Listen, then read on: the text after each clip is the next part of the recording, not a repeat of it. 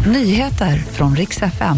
Explosion vid lägenhetshus, tredje smällen på kort tid och svensk glädjeyra när årets Grammys delades ut i natt. God morgon. Vi ska börja i Handen söder om Stockholm där en explosion inträffade i natt vid ett lägenhetshus. Det var vid tretiden som polisen fick flera samtal om en kraftig smäll. Porten till huset och flera fönster förstördes, men ingen person ska ha kommit till skada.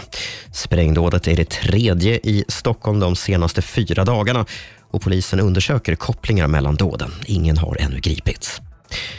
Turkiet bekräftar nu uppgifterna om att Rysslands president Vladimir Putin ska komma och besöka landet. Enligt nyhetsbyrån Reuters säger Turkiets utrikesminister att man bland annat ska diskutera det avtal som säkrar ukrainska spannmålsexporter i Svarta havet.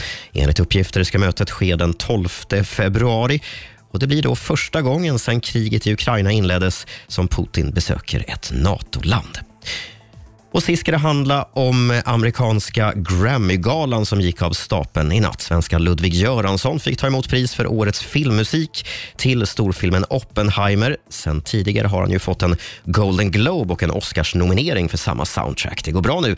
Taylor Swift vann sitt livs trettonde Grammy och passade på att avslöja att det kommer ett nytt album i april.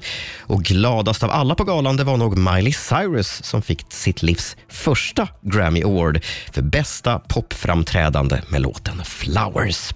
Och det var de senaste nyheterna. Jag heter Robin Kalmegård.